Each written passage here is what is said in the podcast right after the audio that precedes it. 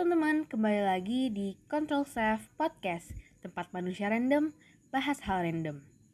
Sebelum langsung ke topik nih, aku mau sedikit cerita tentang kenapa aku mutusin untuk buat podcast. Sebenarnya eh, niatan untuk buat podcast itu udah lama banget bareng teman-teman gitu. Jadi kontennya itu semacam ngobrol-ngobrol, review drama atau film ataupun reaction video klip musik di YouTube gitu ya. Niatnya. Cuma emang jadinya wacana tapi akhirnya sekarang juga udah terrealisasikan sih ya karena ada tugas kuliah yang berhubungan dengan podcast. Nah untuk tema episode ketiga ini aku pilih karena syarat tugas kuliah juga tapi aku janji topik episode ini seru banget untuk aku bahas karena uh, temanya itu tentang tiga lagu dengan genre bebas. Kenapa sih aku semangat buat bahas ke kalian? Karena aku pribadi sangat suka dengerin lagu, bahkan aku juga tuh nggak jarang uh, minta rekomendasi lagu dari teman-teman aku gitu. Kayak lagu apa nih yang akhir-akhir ini kalian sering dengerin gitu? Lagu apa nih yang jadi kesukaan kalian akhir-akhir ini gitu? Aku sering banget minta lagu ke teman-teman aku gitu. Jadi topik untuk episode 3 ini adalah membahas tentang tiga lagu yang akhir-akhir ini sering aku dengerin. Um, sebagai catatan, mungkin lagu-lagu yang nanti aku bahas sekaligus rekomendasi ke kalian bisa jadi lagu barat, Indonesia, ataupun K-pop. Jadi yuk simak sampai habis, siapa tahu kita punya selera lagu yang sama, sama gitu. Kalau misalkan teman-teman emang punya rekomendasi lagu yang enak-enak juga, aku siap nampung, aku siap denger, aku siap nerima. Oke? Okay? Nah, untuk lagu pertama ada dari Keshi dengan judul More.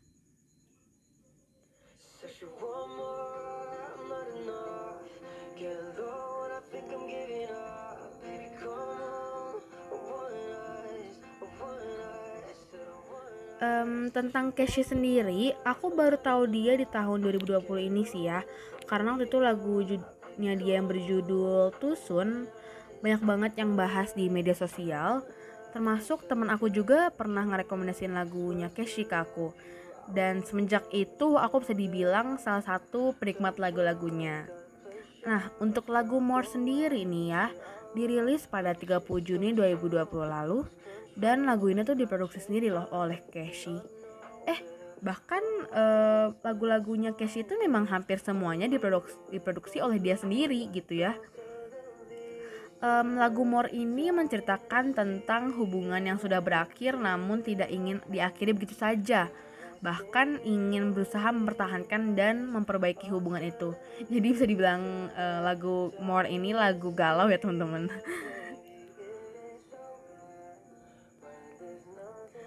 Um, jujur untuk vibes lagu-lagu Cashy itu memang enak banget untuk didengerin pas kalian lagi nugas santai di kamar sendirian gitu ya. Ini enak banget karena vibes lagu Cashy itu like mayoritas uh, lagu yang chill gitu. Oke ini aku biarin kalian untuk dengerin sekilas lagu More dari Cashy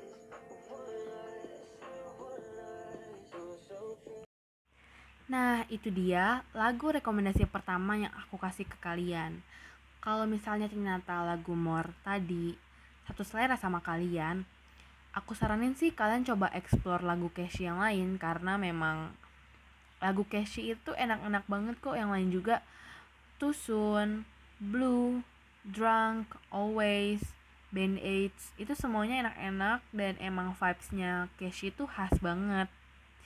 Dan aku jamin semua tipe pendengar musik akan suka lagu-lagunya Cashy Oke, okay, untuk lagu rekomendasi kedua um, penyanyinya ini aku yakin kalian udah pada kenal sih. Karena zaman aku sekolah juga waktu itu SMP banyak banget penggemarnya dan sekalipun kalian bukan penggemar dia aku jamin kalian juga tahu lagu-lagu dia gitu. Kalian juga pasti tahu dia. Kalau misalkan emang nggak tahu lagunya sama sekali gitu. Udah kebayang belum siapa? Nah lagu kedua rekomendasi aku adalah lagu dari Justin Bieber. Hmm, mengingat ini Justin Bieber, aku ini pendapat aku pribadi ya. Lagu Justin itu enak-enak banget semuanya. um, tipe sama selera aku terus juga emang enak buat dinyanyiin kan di karaokein gitu dan tapi untuk lagu yang aku rekomendasiin ini baru aja dirilis kemarin 16 Oktober judulnya Lonely kita dengerin dulu ya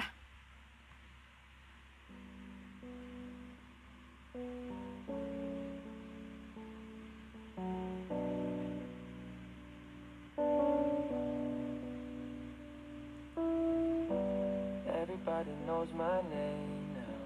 Something about it still feels strange. Like looking in a mirror, trying to steady yourself and seeing somebody else. Everything is not the same now. Feels like all the lives have changed.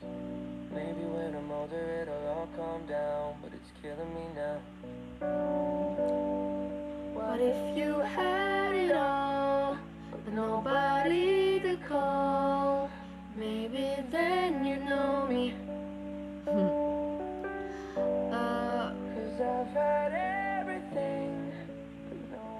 Pertama kali aku dengerin lagu Lonely ini tuh pas lagi iseng emang ngecek-cekin playlist di Spotify. Dan emang Justin Bieber Lonely ini tuh ada di top paling atas gitu. Um, karena aku tipe mendengar musik yang harus lihat liriknya juga, pas pertama kali dengerin tuh langsung liriknya wah parah banget sih parah banget. Nyentuh hati banget uh, merinding dan aku bahkan nangis sedikit gitu. Kan kenapa aku bisa sampai nangis? Karena emang waktu zaman aku sekolah itu aku suka sama Justin karena teman-teman aku juga ya.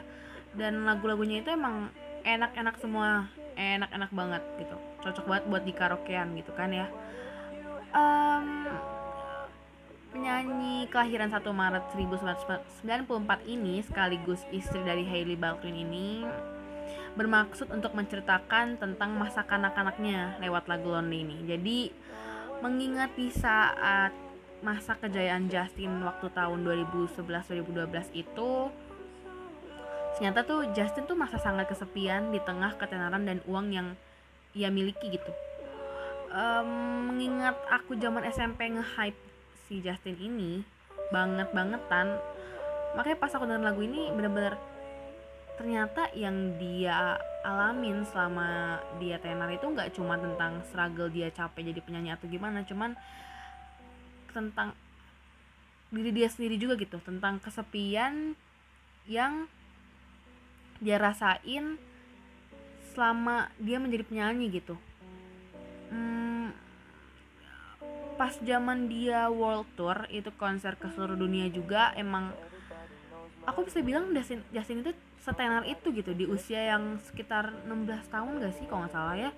Dia udah gelar konser ke seluruh negara di dunia. Dan waktu tahun sekitar itu juga Justin itu ngeluarin film semacam dokumenter berjudul Never Say Never.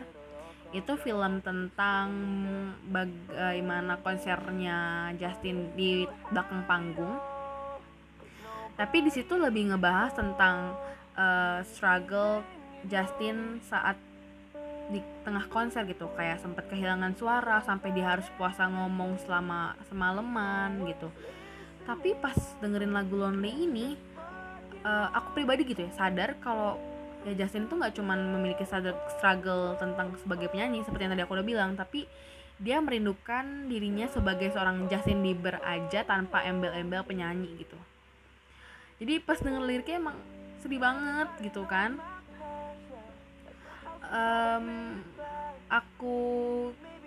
biar kalian dapat feelnya coba aku biarin kalian dengerin lagu Lonely ini untuk saat ya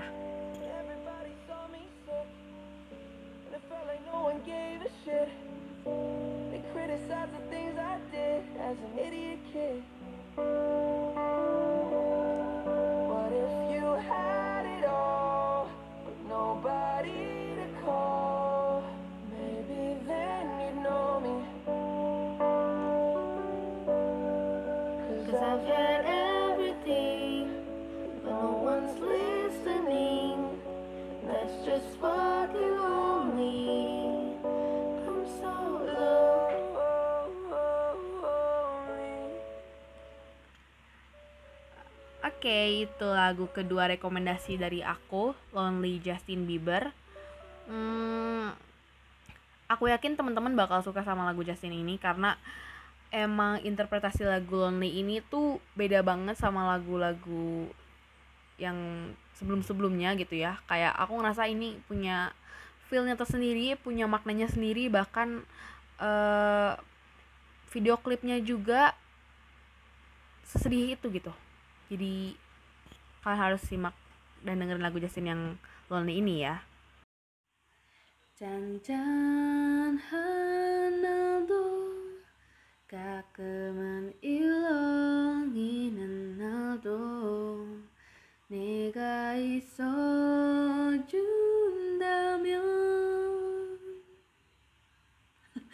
uh, barusan itu sepenggal lirik dari cuplikan lagu rekomendasi ketiga yang akan aku kasih ke kalian. Kira-kira tadi denger sedikit aku nyanyi, udah ketebak gak lagu asalnya dari mana? Iya, lagu ketiga yang akan aku rekomendasi ke kalian ini lagu dari Korea Selatan alias um, salah satu artis di bawah naungan agensi JYP Entertainment yaitu Day6. Nah, buat temen-temen nih yang belum tahu tentang Day6 sendiri, Day6 itu sebuah band beranggotakan lima orang yang debut pada tahun 2015 lalu. Uh, jadi Day6 ini bukan boy group yang ada gerakan koreografinya ya, tapi mereka itu main instrumen musik, bener-bener emang band. Anggotanya itu ada J sebagai gitaris, Youngkei sebagai basis, Sungjin sebagai gitaris, Wonpil sebagai pianis, dan Dowon sebagai drummer. Sebagai catatan, mereka berlima itu vokalis juga ya. Uh, nah, uh, lagu Where the Sleeps ini tapi dirilis bukan dari band Day6 sendiri. Jadi uh, Day6 ini mengeluarkan unit gitu. Unit ini bernama Even of Day yang anggotanya itu cuma ada Yongkei, Wonpil dan Dowon. Nah, kemarin Agustus itu Even of Day ini meluncurkan sebuah EP atau mini album berjudul The Book of Us yang dengan tema Gluon. Nah, salah satu lagunya dari EP ini tuh ada Where the Sea Sleeps gitu. Biar kalian tahu nih lagu yang mana, aku setel dulu deh buat kalian ya.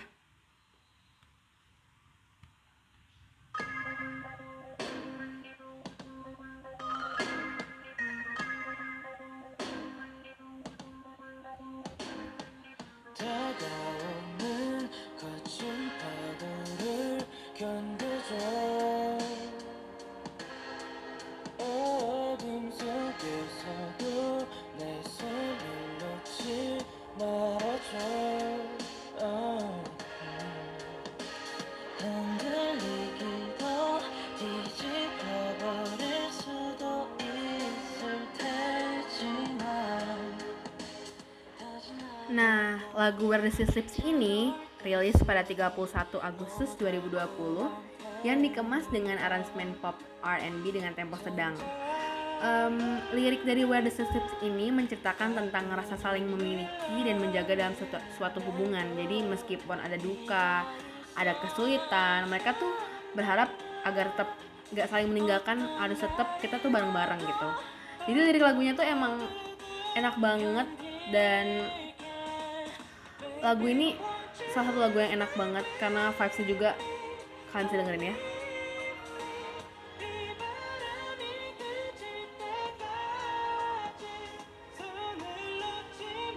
Um, Where the Sisters ini juga mengeluarkan uh, video klipnya di YouTube. Dan lebih khasnya lagi nih Where the Sisters ini tuh MV-nya itu divisualisasikan dalam sebuah animasi gitu uh, karakter-karakter itu ada hewan. Jadi dalam video klipnya itu uh, menjelaskan ada storyline itu tentang tiga hewan yang ada mi menjalankan sebuah misi keluar angkasa menggunakan roket. Namun di tengah perjalanan tuh ada kecelakaan. Jadi konsepnya itu animasi karakter hewan lucu. Storylinenya tapi itu menyentuh hati banget gitu. Di dalam sua, uh, di dalam video klipnya juga itu ada lima karakter hewan yang uh, menurut fans saya itu diinterpretasikan sebagai anggota Day6 sendiri ada rubah sebagai Yongkei, kelinci sebagai Wonpil, anjing sebagai Dowon, lalu ada beruang coklat dan anak ayam itu sebagai Sungjin dan Jae. Jadi emang Day6 ini tuh untuk um, Where the Steps ini tuh bener-bener menjelaskan tentang bagaimana Day, anggota Day6 tuh saling menjaga dan saling bertahan bahkan duka dan masalah itu bukan suatu alasan buat ninggalin satu sama lain gitu ini intinya aku suka banget sama lagu Where the ini bahkan album Day6 lain yang emang mereka berlima nyanyiin itu lagunya enak-enak banget album terakhir Day6 yang terakhir tuh ada lagu Zombie, Afraid itu enak-enak banget. Jadi teman-teman wajib banget untuk dengerin Day6. Jadi K-pop itu nggak selamanya tentang koreografi gitu. Dan sejak dari Day6 sendiri, lagu-lagunya itu enak banget. Bahkan uh, belum lama ini tuh di Indonesia lagu Day6 tuh kembali hype yang lagu You Are Beautiful sama Congratulations mungkin teman-teman tahu mungkin teman-teman familiar iya itu lagu Day6 gitu oke okay, mungkin jadi saran dari aku nih untuk kalian yang emang suka banget dengerin lagu coba kalian explore lagu-lagu kalian tuh lebih luas lagi circle-nya gitu apalagi kalian kalau misalkan belum pernah nyentuh lagu K-pop sekarang terbuktikan kalau ternyata lagu K-pop itu nggak cuman dari boy group ataupun girl group yang mungkin kalian punya pandangan negatif sendiri atau punya pandangan yang berbeda sendiri gitu ya. Buktinya lagu Where Is the ini tuh bener-bener menurut aku enak banget. Aku juga salah satu orang yang baru nyemplung ke dunia K-pop di tahun ini gitu.